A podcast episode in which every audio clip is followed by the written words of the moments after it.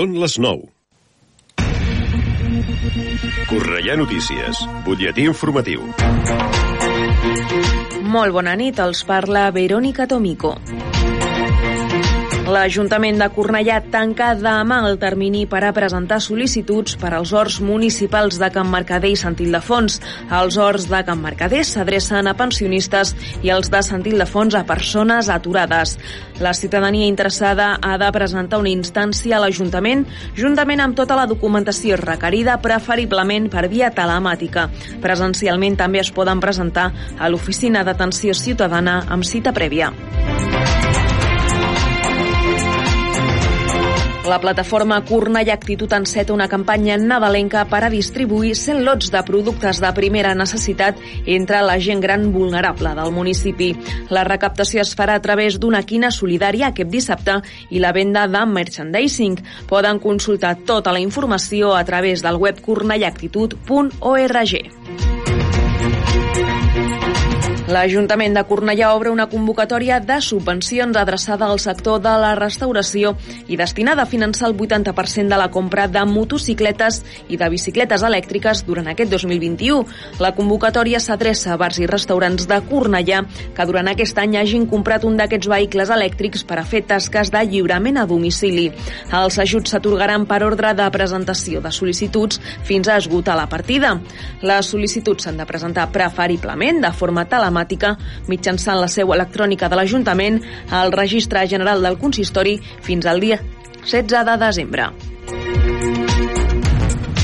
Fins aquí aquest butlletí informatiu. Poden seguir informats de l'actualitat de la nostra ciutat al Cornellà Notícies de la una del migdia, als butlletins horaris i a l'app i la web de Ràdio Cornellà.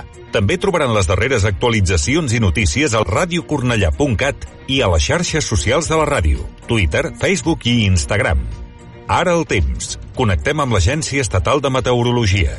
Bona nit. Demà divendres esperem a Catalunya una jornada amb ascensos de les temperatures. Les mínimes seran de 4 graus a Girona, de 8 a Lleida, de 9 a Barcelona i d'11 a Tarragona, mentre que les màximes rondaran els 19 graus a Tarragona, els 18 a Barcelona, els 16 a Girona i els 15 a Lleida. Per la resta esperem un dia de cels ennuvolats o coberts amb precipitacions localment persistents al terç nord durant tota la jornada i que seran més abundants al Pirineu Occidental amb acumulacions durant el matí de més de 40 litres per metre quadrat en 12 hores. La cota de neu baixarà d'uns 1.800 metres a uns 1.000 amb el pas del dia i a la Vall d'Aran es podran acumular més de 7 centímetres de neu a partir dels 1.200 metres. Per últim, el vent serà de l'oest i del nord i tindrem intervals ocasionalment forts a l'Empordà i també a cotes altes del Pirineu, al sud de Lleida i de Barcelona i a Tarragona de més de 80 o 90 km per hora. És una informació de l'Agència Estatal de Meteorologia. L'informació de Cornellà. Més a prop, impossible. 104.6 L'acompanya Ràdio Cornellà Bon vespre. Són les 9 i una setmana més comença Atrapats en la cultura.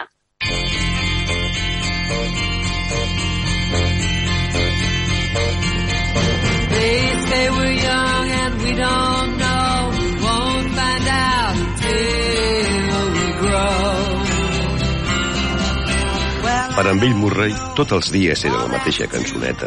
Estava atrapat en el temps. Per nosaltres, tots els dies també són iguals. En Bill el salvava l'Andy McDowell. I a nosaltres, qui ens salvarà? La cultura, els llibres, el cinema, les sèries, l'art, l'oci, la gastronomia.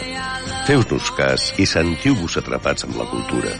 Amb la Cristina Guarro i el seu equip that's so we don't have a plot, but at least I'm sure of all the things we got. Babe, I got you, babe. I got you, babe. I got flowers. Benvolguts oients, doncs ja tornem a ser aquí un dijous més, avui 9 de desembre, després d'aquest llarg pont de desembre. Jo crec que, que és el pont que sempre mirem al gener, al calendari, és el primer que anem a buscar, a veure com caurà, com caurà aquest any. Bona nit, Marc Fort. Hola, bona nit.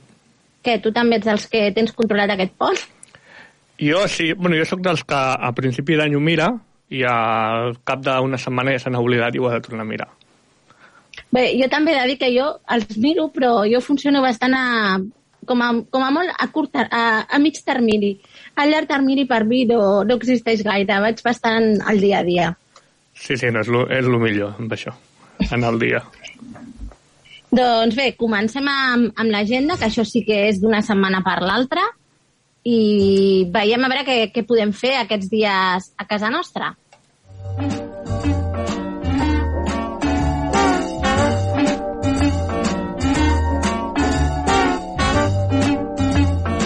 I avui ja us aviso que la presència d'activitats pels més petits de la casa és eh, abrumadora.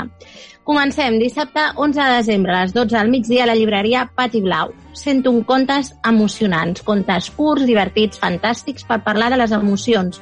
Una manera senzilla i natural, natural de revelar com ens sentim. Benvinguts a un llibre ple de fantasia, imaginació i contes en què cada pàgina és important. Pàgines plenes d'emocions en les quals els personatges viuen un munt d'aventures, però el més important és saber com se senten amb el que els passa. I tu, com et sents?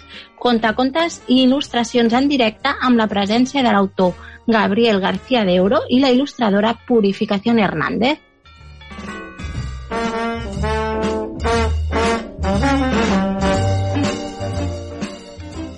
Dissabte, 11 de desembre, també a les 12 del migdia, però en aquesta ocasió la Biblioteca de Sant Ildefons Teatre a Titelles. La companyia Galiot Teatre ens presenta una versió dels Tres porquets en palla, fusta i pedra.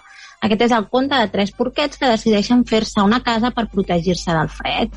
Un la crea a partir de palla, un altre l'aixeca de fusta i el tercer la construeix en pedra. Però compte, que al mig del bosc hi ha coses més perilloses que el fred i és que tenen un llop com a enemic. Ai, ai, ai, no patiu, que si recordeu ja sabeu com acaba aquesta història. Tots contents i el llop a l'olla. Activitats per a infants majors de 4 anys.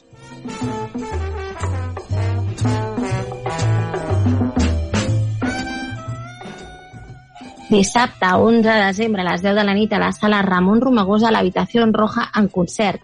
El quartet valencià va ser format en 1994. La seva carrera és el fidel reflex de la seva passió per les cançons pop atemporals i està plena d'autèntics himnes que han tocat la fibra de diverses generacions.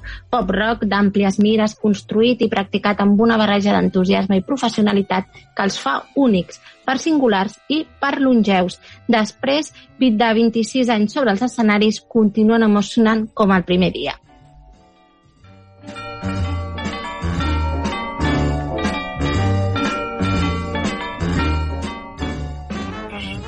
Diumenge, 12 de desembre, a les 12 del migdia, a l'Auditori de Sant Ildefons, Maria Castanya. La proposta familiar de l'agenda cultural de Cornellà els propers dies és aquesta obra de teatre Maria Castanya.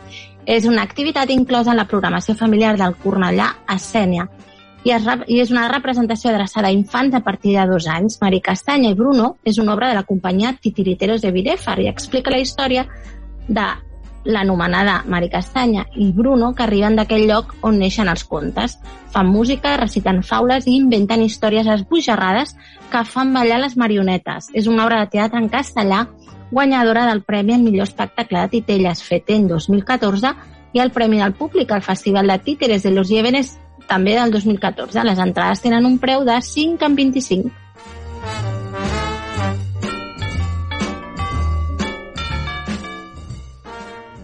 Diumenge, 12 de desembre, a les 12 del migdia, al Castell de Cornellà, concert El secret de les muses, un recorregut per la magistral música del Renaixement i Barroc que conjuga melodies populars de l'època i els recursos més sofisticats de composició, contrapunt i polifonia.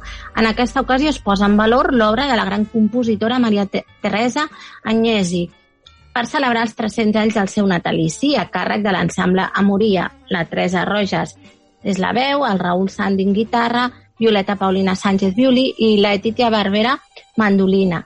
Cal inscripció prèvia trucant al telèfon 93 474 51 35 de dilluns a divendres en horari de quarts a 10 a 2 al migdia o bé escrivint un mail a patrimonireserves arroba a j-cornellà.cat eh, que sapigueu que a la secció de música clàssica coneixerem més sobre aquesta gran compositora que va ser Maria Teresa Agnesi.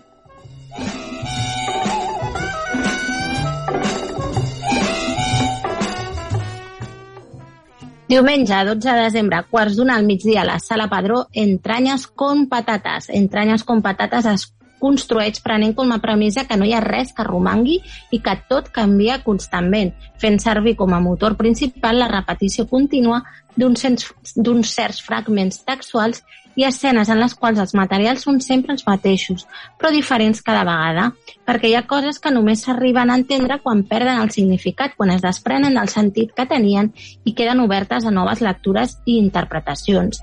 En Luis García i en Pere Josep, fundadors de la companyia Los Infomals, redueixen la seva identitat a cendres per poder ressorgir-ne absolutament lliures de condicionants fan conviure la fisicalitat, l'absurd i la contradicció transpassant la frontera d'allò convencional i regint-se per les seves pròpies regles. Fan del joc, el moviment, la veu i l'humor canals per abraçar l'acceptació des d'un punt de no retorn, on es creen situacions en les quals la improvisació els mostrarà el camí que cal seguir despullant la seva vulnerabilitat.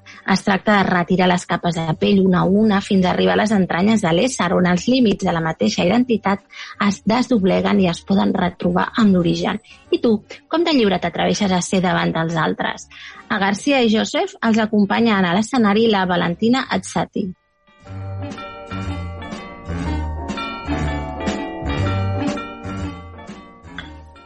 Diumenge 12 de desembre a les 7 de la tarda a la sala Ramon Romagosa jo vaig sobreviure a l'EGB, el show d'humor perfecte per tots aquells que vau sobrir aquesta maleïda o no època. Bé, eh, veniu a passar una bona estona plena d'humor i música per desconnectar del món actual i connectar amb el bon rotllo. Si ets post-naranjito, però sobretot si ets pre-Covid, sens dubte aquest és el teu show. L'època dels 80 va fer molt de mal a la infància de tots nosaltres, aquesta època en la qual els nostres pares ens vestien de manera ridícula per enviar-nos cap a l'escola. Aquest és l'espectacle de stand-up que et farà recordar d'una manera graciosa aquell que vas ser tu i el que ara ets. El riure sempre fa que ens sentim millors, que situacions que abans ens semblaven desesperades ara no semblin res més que una pura anècdota. El que quan érem joves ens semblava una muntanya, ara riem, en riem i simplement és un granet més de sorra. Jo vaig sobreviure a l'EGB, és un show que rememora aquesta època dels 80 i la gent s'acomoda mentre escolta en directe també música d'aquesta època, dels 80 i 90. Això et fa entreveure que serà una ballada molt especial. La participació i implicació del públic és una cosa essencial això, això que, això, oi, perdoneu, això ve que ho sap en Jordi Merca i ho du a terme d'aquesta manera. Contacte directe entre el que passa a l'escenari i entre el públic, fins i tot amb un examen de primària en directe.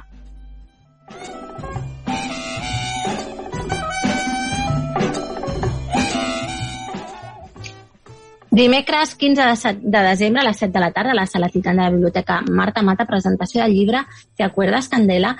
En la seva cinquena novel·la, l'autora cornellanenca ens embarca en un viatge pels sentiments des de la freda Zamora fins a la sufocant Zàmbia de la mà dels nou membres de la família Cabanyes, en el qual bellesa i joventut caminaran juntes a la difícil travessa de la vida. La presentació la farà en Roger Mercader i comptarà amb la presència de l'autora.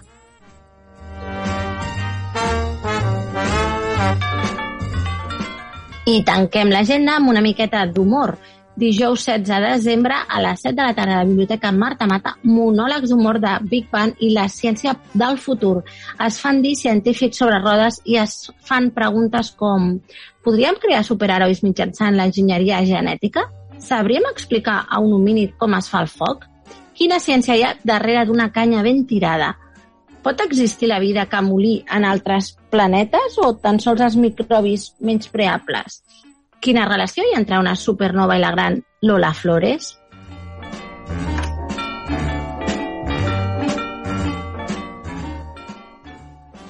Doncs fins aquí l'agenda cultural de casa nostra pels propers dies i ara el que farem serà parlarem de la gran Maria Teresa Agnesi, a la secció Música Clàssica de Marc Fort. Endavant!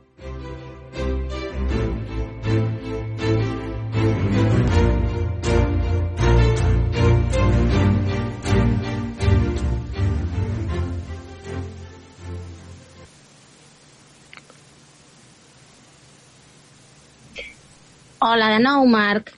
Hola, què tal? Doncs bé, uh, com has dit, doncs sí, parlarem d'aquesta autora italiana que l'any passat va fer els 300 anys del seu naixement, però que, pel que tots sabem, doncs no es va poder celebrar ben bé i doncs, aquest any eh, fem el que hauríem d'haver pogut fer l'any passat. Uh, si et sembla, diem quatre punts a la seva biografia, perquè hem de dir que també el que diem sempre, al ser dona i música de fa uns anys, doncs és més complicat trobar informació per, bueno, pel tema en què sempre a la dona s'ha deixat una miqueta de marge, de, de, de banda, i bueno, la informació que hem trobat és la, la següent. Uh, va néixer el 17 d'octubre de 1720 i va morir el 1795, el 19 de gener, amb un total de 75 anys, que per aquella època, bueno, està I, bé. Home, i més sent dona, eh? Que havies de parir i que et quedaves en qualsevol dels parts. Sí, sí, sí. No, bueno, que no sé si ella en va tenir, eh? No, en Ara m'he avançat. Sí, no, en aquest cas és el que t'anava a dir, que ella no va tenir... No ten, va tenir fills. Sí que es va casar, ja ho explicarem després, perquè, però fills no, no en va tenir. De fet, bueno, ella es va dedicar a la música, evidentment, si no, no ho parlaríem en una secció de música clàssica, uh -huh. com a compositora, clav clavecinista i cantant. És a dir, una mica, mm, era bastant polifacètica. Va néixer en, en la noblesa, però no en l'alta, no, sinó en una noblesa modesta. Així, un, família benestant, però, bueno, això, benestant, ja està. Uh, aquesta posició social li va donar l'oportunitat d'obtenir una educació de qualitat, ja que la família Agnesi va, tenia un, bueno, va ser el centre de l'activitat intel·lectual uh, en, aquella, en aquella època. Això també es, es reflecteix en la seva germana, Maria Gaetana, que tot i també tenir un talent musical, al final es va dedicar a les matemàtiques, esdevenint una de les grans matemàtiques de, de l'època. Ostres, déu nhi no? Quin parell! Sí, sí, dues, dues dones que van destacar molt en el, en el seu camp, una en el camp de la música i l'altra en el camp de les ciències i concretament de les, de les matemàtiques. Uh, dir wow. que dir que això, l'estil compositiu d'Anyèsic va començar bueno, sent simple, com, com tots així, fent composicions més, més no gaire elaborades, però es van anar fent més complex en la seva evolució.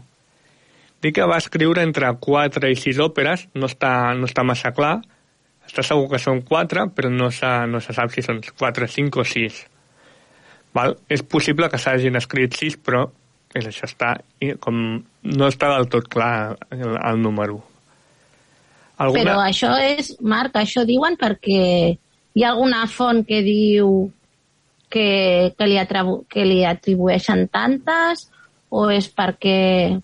Bueno, suposo, com... suposo perquè uh, atribuïdes i firmades n'hi deu haver quatre, Uh -huh. però hi ha altres que no, no estarà clar que, sigui, que se li atribueixin a ella o que, bueno, que potser ah, n'hi ha, sí. ha alguna que s'hagi perdut i no estigui clar si la fes o no. Bueno, el, el número va aquí entre, entre 4 i 6. Uh -huh. També va escriure música per teclat sol, teclat i veu i per conjunts de pocs, pocs instruments. A partir de la, la dècada de 1740, quan tenia uns 20, 20, 20 i pocs anys, Agnesi va començar a difondre la seva música als mecenes d'Europa i aquestes connexions van ser les que van proporcionar visibilitat i un impuls perquè s'interpretés posteriorment la, la seva música. També és probable que la seva música i, bueno, de fet, és bastant probable que la seva música i el talent fossin més benvinguts a Viena i a Dresden que a Milà, com ho demostren les còpies adornades de la seva música escrites per a, per a aquelles cors. Uh, de la, la seva primera cantata, i l'instauro d'Arcàdia, És una cantata pastoral, és a dir, una cantata litúrgica, i de, va dedicada al governador austríac Gianluca Pallavicini a, a Milà, i es va, bueno, es va estrenar a Milà el 1747 i produïda pel Teatro Ducale. El qui el qui estigui una mica perdut amb això del governador austríac, Milà i això, s'ha de dir que tota aquella zona d'Àustria, Itàlia, doncs han estat fin, fins fa menys, bueno, fins fa menys un, un segle més o menys, aquella zona ha estat per Sant Itàlia, Àustria, per això, per sí, això... és, és, la, és la zona que està bueno, així sempre en disputa, no? que, va canviar, que ha anat canviant d'anys. Sí, se l'han eh, se l'han anat disputant. Sí, la part del Vèneto també. I... Sí, bueno, tot... Al final és la, la part de frontera amb Suïssa. Ai, amb Suïssa, perdó, amb Àustria. Sí, sí, sí. Bueno, de fet, si vas a, a, Tri, a Trieste, veuràs, uh -huh. un, veuràs que és un estil arquitectònic molt diferent. No, no, Tri no Trieste és totalment... Jo hi he estat i és, és una ciutat centroeuropea. Sí, sí. És centre-Europa. Sí, és, eh... En Venècia ja no passa, eh? Però Trieste, o sigui, no és una ciutat sí, perquè... eh, italiana. No, clar, perquè aquella, aquella zona, la part de uh -huh. Venècia Júlia i això va, ser més, va estar més sota la influència austríaca, en canvi, la part de Venècia pròpiament i el Vèneto va estar més... va ser més independent i després més, de, més influenciada per, per Itàlia.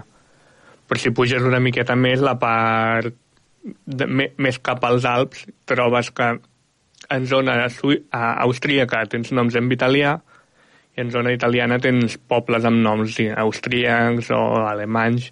Sí, això és típic de les zones de, de frontera. Mm, mm. Sí, per això, el, el, el fet que el governador austríac s'estrenés una, una òpera a Milà. Però bé, seguim. A la seva primera òpera, d'aquestes 4 o 6 que va compondre, eh, es deia Chiro a Armènia i es va presentar al mateix teatre, al, al Teatre Ducale, al 1753.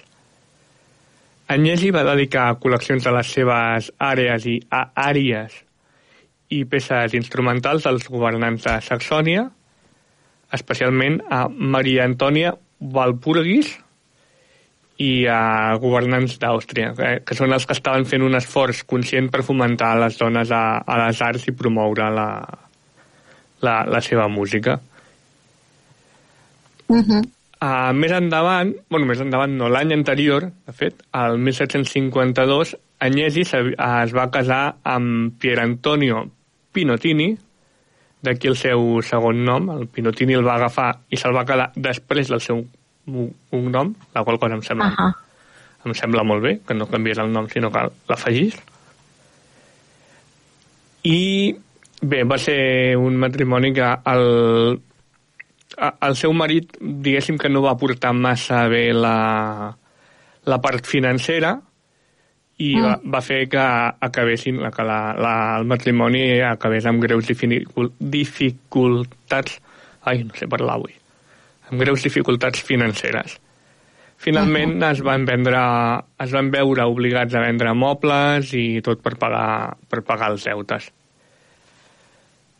I bé, com hem dit, ja per, per, per acabar, Agnesi va morir a Milà el 1745 i dir que, com a curiositat, a l'escala de Milano té penjat un, un entrat al, seu, al museu del Teatre de l'Escala. Ai, saps que jo no hi he entrat mai a l'escala? No? Ah, pues és, és... No, no hi he entrat, no ho sé, mira, ha coincidit. Sí, bueno... I a, i a Milà he estat un parell de vegades, hi he estat. Però no, no. Sí, jo hi, jo hi vaig estar l'últim... Hi vaig entrar l'última vegada que vaig estar a Milà i és, és, és un lloc que és, és, és impressionant. Sí, ha de... Era un Ara, aquests, aquests dies han, han estrenat temporada. La inauguren ara, la temporada. Comença en desembre. Mm. Desembre? Ah, sí, veus, jo vaig estar sí, a Milà sí. precisament al desembre i hi havia... Aqu aquell dia, un, un dels dies que vaig estar, hi havia... Sí, bueno, de fet, va ser pel pont de fa 3 anys. Uh -huh.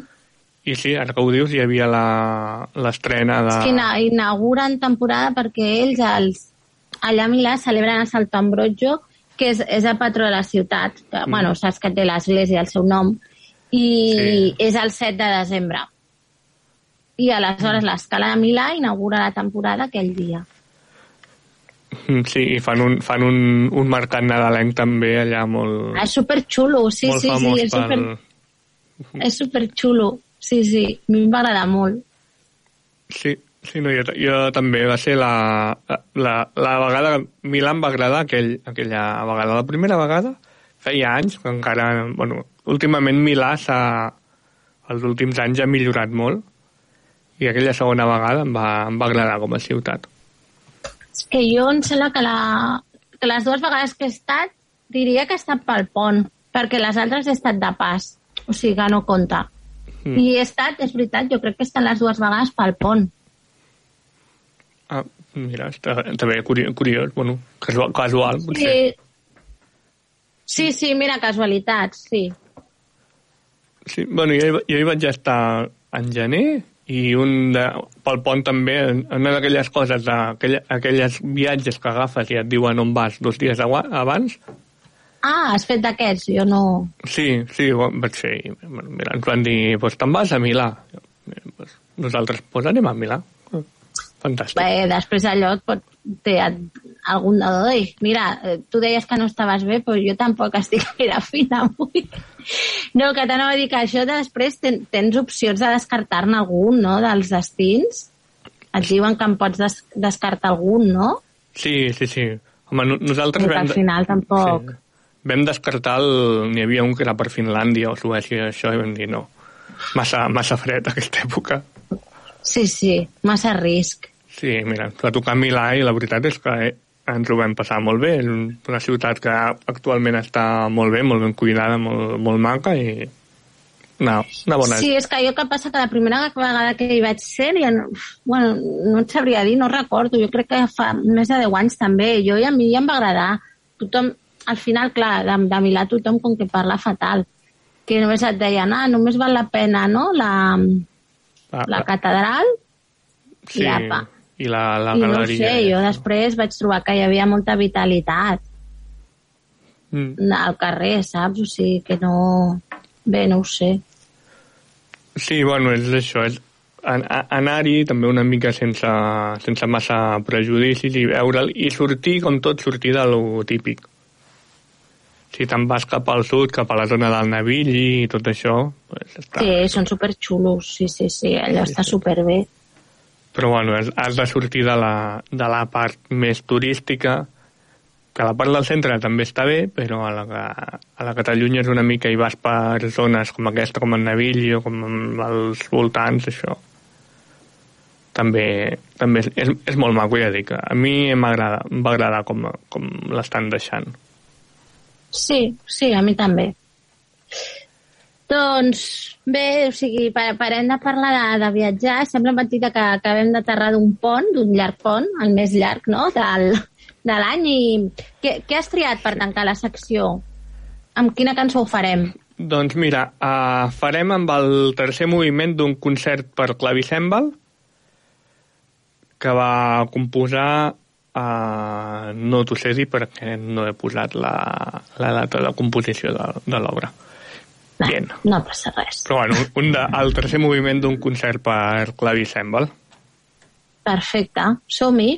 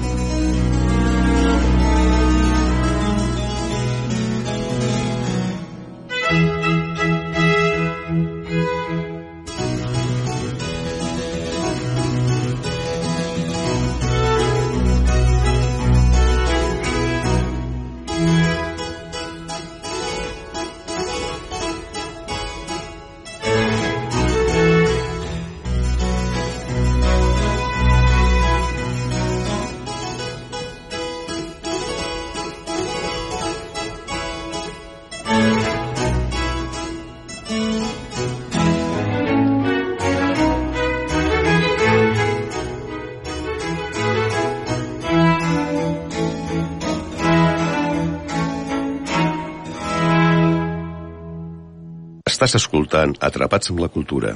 And I'm feeling good.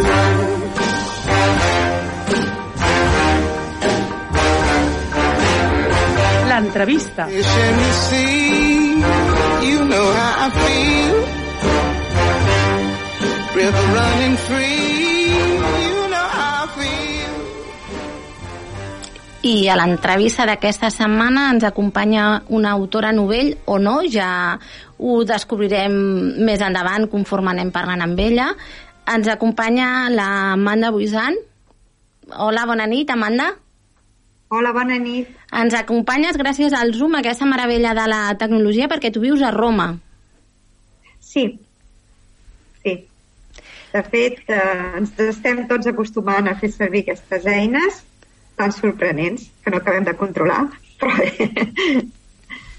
Doncs l'Amanda ens presenta aquesta novel·la que es diu Rosa sense primavera, que està editada a, a través del segell Gue- com era Godall, no? Edicions?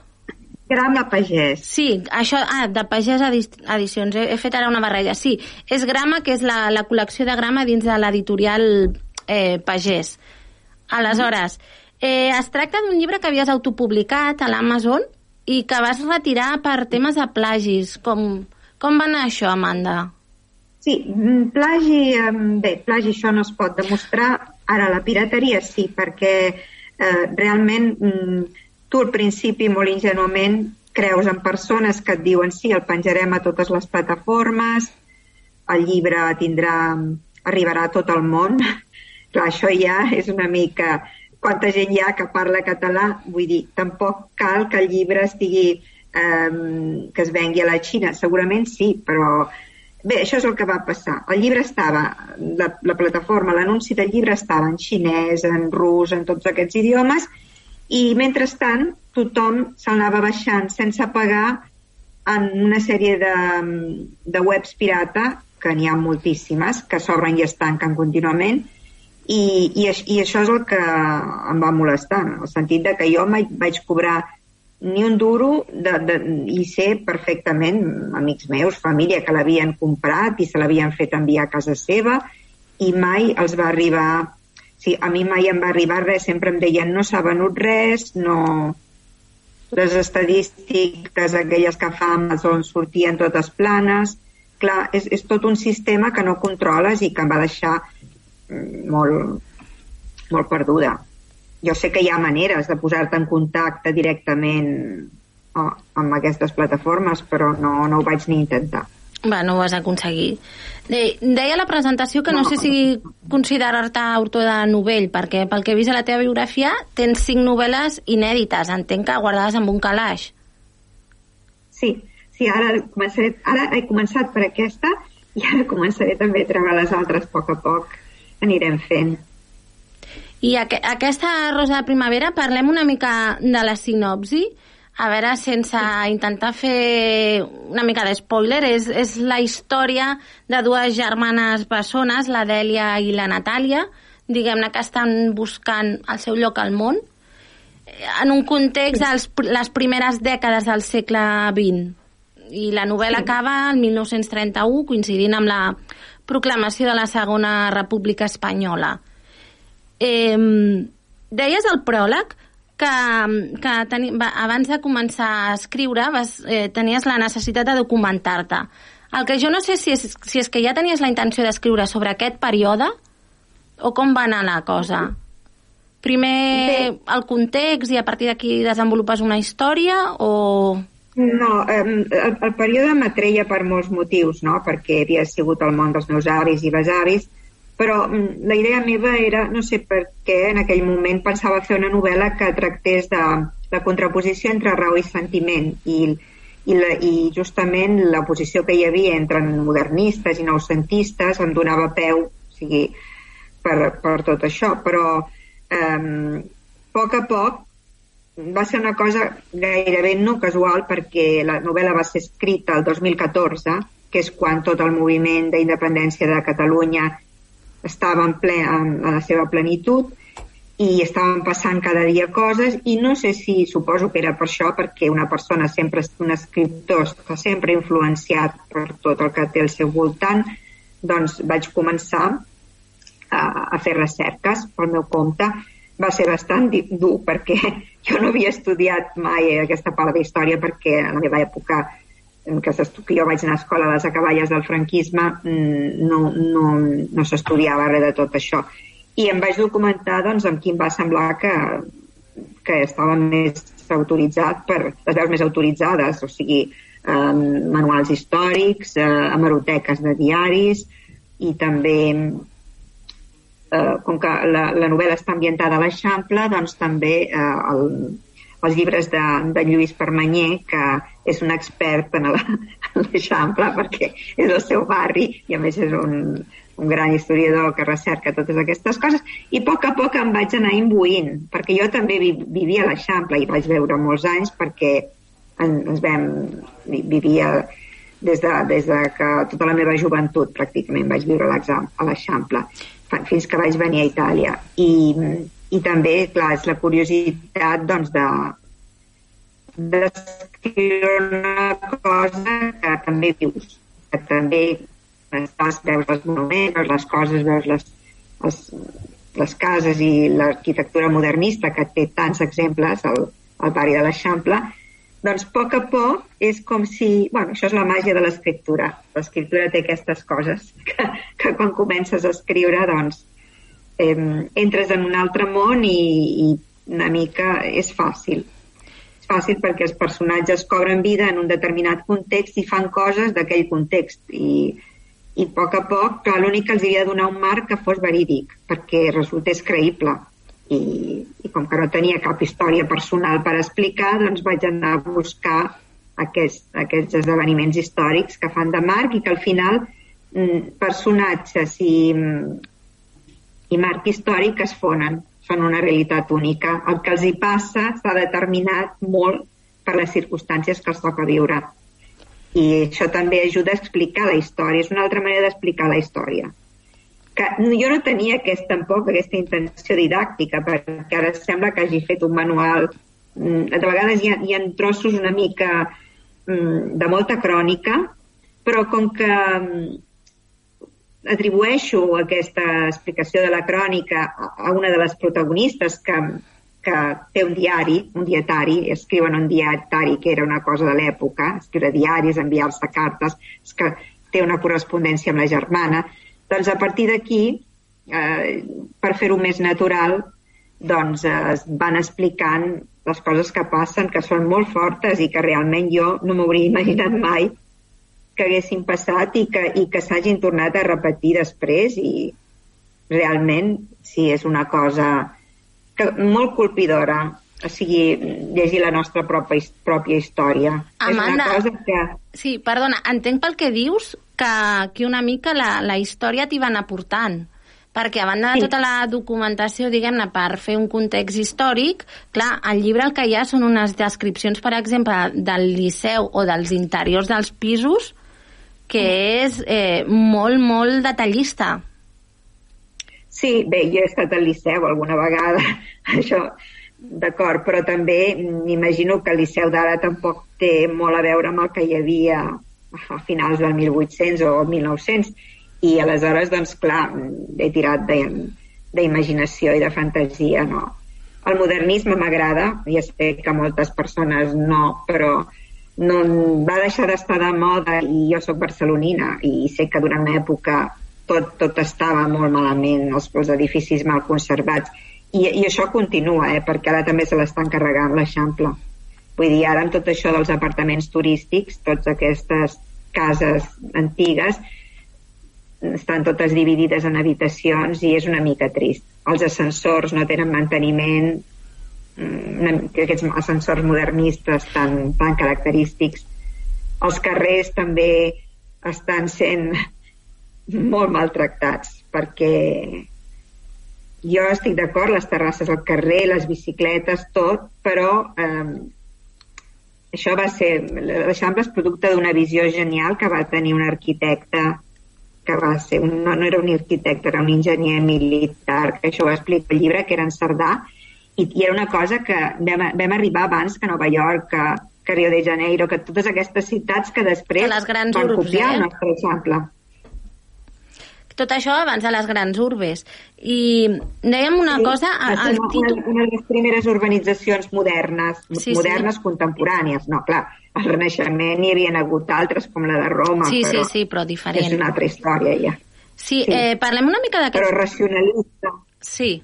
Eh, parlem una mica del títol del llibre, Rosa sense primavera. A Sí. què et refereixes? Perquè eh, Barcelona durant uns, unes dècades va ser conèixer com, com Rosa del Foc, que era pel, bueno, pels violents enfrontaments que hi havia al carrer. Sí.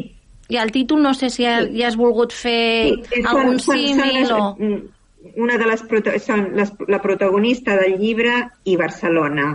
Com sempre diguem, el personatge i el seu context segueixen la mateixa sort. Sí, ve de la Rosa de Foc, però jo en realitat mm, és, mm, aquí no puc fer de spoiler, però en realitat vaig pensar que mm, en aquella dita que diu una flor no fa estiu o no sé com és, i d'aquí va sortir rosa sense primavera, perquè en realitat una, una flor sola, sense un context favorable, doncs no, Clar, no, flu no floreix, no. Sí, sí, no, no, No floreix. no arriba a bon port. Parlem una mica dels recursos narratius que, que, que fas servir aquí a la novel·la. Abans has parlat de la crònica, però hi ha el gènere epistolar, també hi ha com reculls de diaris. Vull dir, després hi ha bastants Sí. passatges bé, prou lírics i una mica més descripció dels fets, diguem-ne, més escèptics, per dir-ho d'alguna més, manera. litera, més literari, sí. Sí. Clar, és que no era fàcil eh, fer encaixar tot això. Però clar, també em sabia greu no posar-ho perquè al final la història havia pres aquest caire i no podia deixar-ho de banda. Ara, eh, diguem que la, la, la, com a literatura també potser una mica està inspirat o sigui, la meva àvia llegia totes aquestes novel·les i, i em va deixar la casa plena d'aquest tipus de novel·les que algunes eren d'entregues, altres no i, i una mica mm, s'inspira en això, no? en aquest tipus de novel·la que, que podria ser una saga que podria ser una saga i que en aquella època arribava a tothom i ara no perquè no està de moda aquest tipus de novel·la. Jo tampoc és que tingui exactament aquest estil que, que surt en la novel·la perquè jo escric molts gèneres literaris diferents, toco i, i cada gènere és completament diferent. Intento sempre que l'estil literari, literari vagi d'acord amb, amb, amb els personatges, amb, amb el que vull dir. Sigui, clar, diguem que si és una òpera prima aquesta, encara que va ser el segon llibre, però si és una òpera prima, no escriuria mai més un llibre com aquest. Però, mira, en, em, va, em va sortir i també no volia que es quedés oblidat. M'entenc perquè- que la resta, aleshores, són completament diferents, el que tens pendent de publicar. Totalment, totalment. Ara, mm, per exemple, el segon que trauré, que és un de ciència-ficció, és un tema completament diferent Sí. de ciència-ficció. Sí. Tu has publicat eh, contes en, antologi en antologies que crec que has traduït tu mateixa a l'italià. Sí, he traduït jo, necessito sempre alguna, alguna correcció perquè, clar, no és el meu idioma, Mm. però sí, jo mateix els he traduït perquè fa molts anys que visc aquí i, i ho puc fer. Però Tu- vaja, no m'atreviria mai a traduir el meu llibre. És una feinada, no? Per això, per això hi ha traductors que I ho ja, farien sí. millor, segurament. I tu allà a Itàlia eh, t'has guanyat la vida com a traductora i com a professora d'espanyol, entre altres coses. Però traducció, Sí. has fet traducció literària o... Mm, mm, jo havia fet traducció a Catalunya quan estava a Barcelona. Però molt de guionatge de la, de la TV3. Ah, per l'audiovisual, no, aleshores? Cinematogràfic, sí. I també moltes altres coses, enciclopèdies, coses... Uf, molta cosa havia traduït. Mm, i, però després, clar, venint aquí vaig començar a fer això de la televisió perquè aquí hi havia molts, moltes telenovel·les que deien sud-americanes quan jo vaig arribar, que eren els anys 90. Mhm. Després això ja va passar la moda i, clar, ara les telenovel·les, com, així com a Catalunya, les fan eh, tota producció pròpia, de, com si fos ahir, tot això, no, abans no. I clar, quan vaig arribar hi havia les argentines i em deien, em donaven tot això i jo feia els resums per la premsa, traduïa guions i tot això. Però és que aquesta va ser l'única experiència, perquè després ja mm, era difícil perquè encara no hi havia internet i s'havien d'anar a buscar les cintes i i com vaig venir a viure una mica fora de Roma i aleshores doncs, vaig començar a donar classes perquè és el que tothom volia. Això, si tothom em deia, ah, però podries fer classes i vaig a donar classes a les escoles, als instituts, a les acadèmies i això diguem que és el que he fet aquí fins al 2010 que després he continuat donant classes. Però va ser el 2010 que em vaig decidir a escriure. Vaig començar a escriure. O sigui que tots aquests llibres els he escrit en 10 anys 10 anys de... No, Déu-n'hi-do, ja manda. D'activitat frenètica. Sí, la, la novel·la està dedicada al teu pare, als teus avis i als teus rebesavis. Sí, clar, perquè ara la de ciència-ficció la dedicaré als meus fills, perquè serà el món que viuran ells, que ja, ja no té res a veure amb el, amb el que hem viscut nosaltres. Però entenc que hi ha una mica de missatge apocalíptic a la teva novel·la de ciència-ficció o... Mm, mm, mm, mira, mm, potser perquè sóc de naturalesa optimista, però jo sempre deixo una, una obertura, una, una escletxa d'esperança en totes les novel·les. Són, no, no són... No, realment eh, no, no crec que tinguem un bon futur, però no es pot mai dir. O sigui, tal com estan anant les coses, és per això que també un escriu, perquè té moltes coses per dir, vull dir, tothom tenim coses per dir i, i realment no, no se'ns dona espai en el món que vivim. Tot està ja molt... Ens diuen què hem de fer i nosaltres ho fem.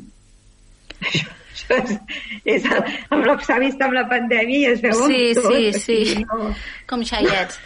Eh, ara m'ha anat del cap el que et volia preguntar. Sí, vas venir a Barcelona el mes d'octubre a presentar la, la novel·la, crec que va ser la llibreria Documenta. En tens programades més? Presentacions?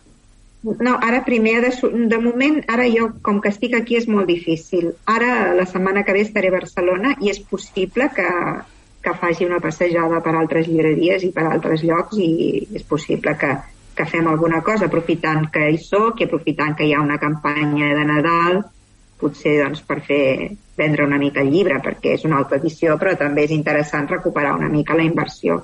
No, no negaré que, que una autoedició no, no és que sigui un dineral, però costa uns diners.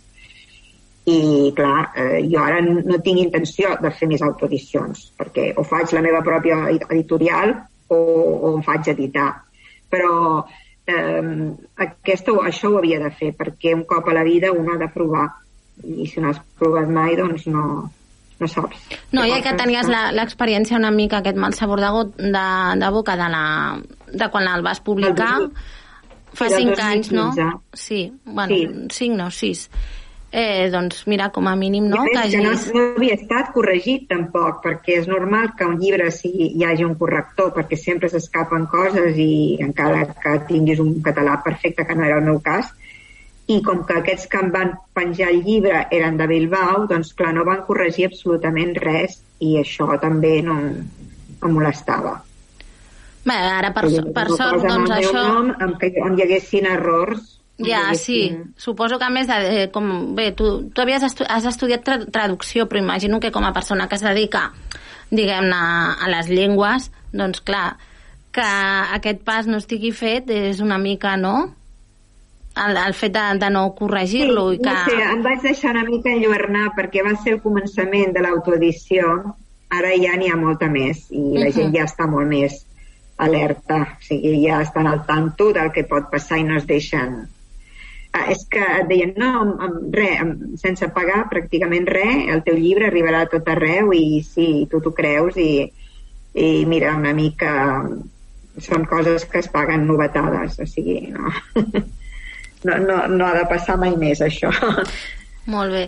Doncs, eh, Amanda, eh, moltíssimes gràcies per haver-nos explicat una miqueta més aquest rosa sense primavera que nosaltres des d'aquí des de l'Atrapats en la Cultura mm, recomanem com a lectura, sobretot crec que per conèixer un període molt interessant, que és el període anterior a la Segona República.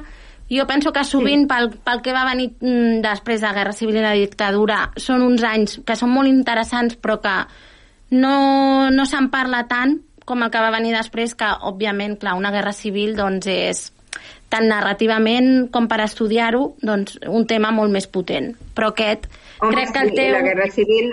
Això s'acaba justament amb la, Ara, si hi hagués una continuació, hi hauria la Guerra Civil. Sí. Però això és un tema que cada dia és que, és que surten coses perquè, com que no se'ns ha explicat, no, no s'han obert les fosses, no, tot això, doncs clar, et vas a ficar en un tema que no, jo no, no em sentiria autoritzada. A més, s'han escrit coses molt bones de persones que la van viure i és això que s'ha de llegir, que encara falta, que la gent s'ho llegeixi perquè aprengui i entengui el que... perquè jo només sé el que algun cop podien haver explicat a la meva família, però Uh -huh. els meus pares eren petits quan hi va haver la guerra civil, no, no la van viure.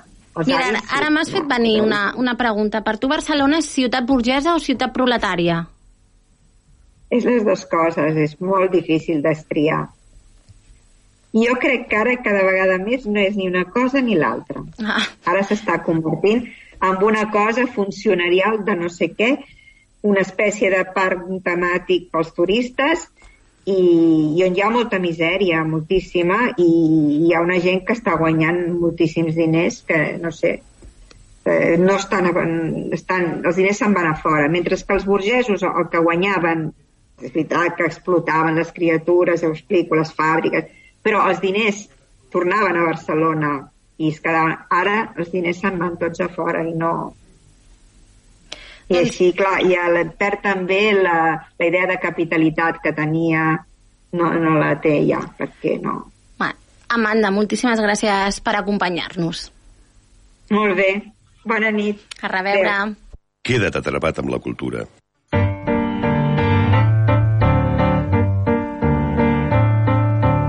Via, via, vieni via di qui. Niente più ti lega a questi luoghi, neanche questi fiori azzurri. Via, via. Ja tornem a tenir aquí el nostre estimadíssim Paulo Conte. Això significa que el programa arriba a la fi. Eh, moltíssimes gràcies per haver-nos escoltat i acompanyat. Eh, nosaltres tornarem la setmana que ve, que això ja és dels últims programes de la temporada abans de, la, de Nadal, o sigui, ens queda el programa la setmana que ve, que serà el 16, no? A veure, perdoneu que el Marc em vol corregir. Digues, digues, Marc. No, no, uh, que sí que en queden dos. El també 16, no? liat, En el 7 i el dos. 23, sí, sí. El 23, 16 i 23, també. exacte. Doncs, eh, Marc, molt bona nit. Sí. Bona nit. Hala, fins la setmana que ve. A reveure. Via, via. Non perderti per niente al mondo lo spettacolo d'arte varia di uno innamorato di te. Yeah. It's wonderful, it's wonderful, it's wonderful. Good luck, my baby, it's wonderful, it's wonderful, it's wonderful. I dream of you, chips, chips, chips. Da di do di do, chi boom, chi boom boom. Da di do di do, chi boom, chi boom boom. Da di do di. Via,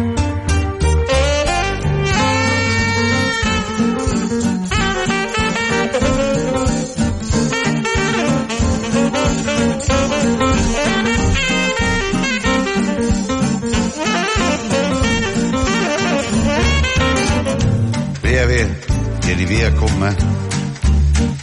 Entra in questo amore buio, pieno di uomini. Via, via, entra e fatti un bagno caldo. C'è un accappatoio azzurro, fuori piove un mondo freddo. It's wonderful, it's wonderful, it's wonderful. Good luck, my baby, it's wonderful. It's wonderful, it's wonderful. I dream of you, chips, chips. Da ti do di do, chi boom, chi boom boom. Da ti do di do, chi boom, chi boom boom. Da ti do di do. Ràdio Cornellà, 104.6 FM. T'agrada aquest programa? Descarrega't ja l'aplicació gratuïta Ràdio Cornellà per iPhone i Android. El podràs escoltar, compartir i descarregar. Ara, ho tens més fàcil que mai. Gaudeix de Ràdio Cornellà quan vulguis al teu mòbil. Si te llaman por teléfono o a la puerta, si te paran por la calle, siempre que te pregunten qué emisora escuchas, tú lo tienes claro.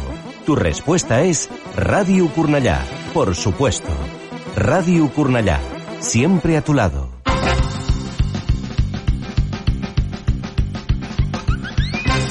De més enllà, viatgeu amb nosaltres cap a un món de músiques. Connecta't amb De Més Enllà cada diumenge de 5 a 7 de la tarda a Ràdio Cornellà, amb Jordi Garcia.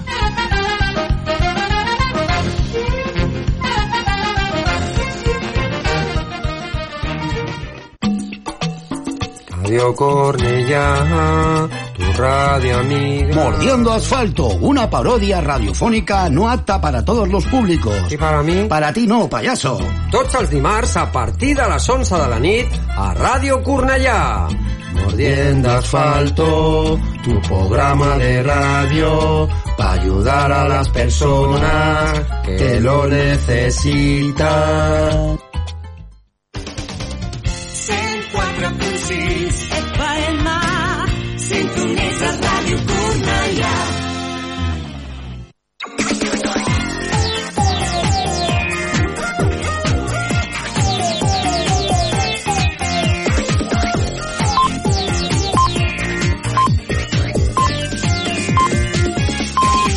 Són les 10.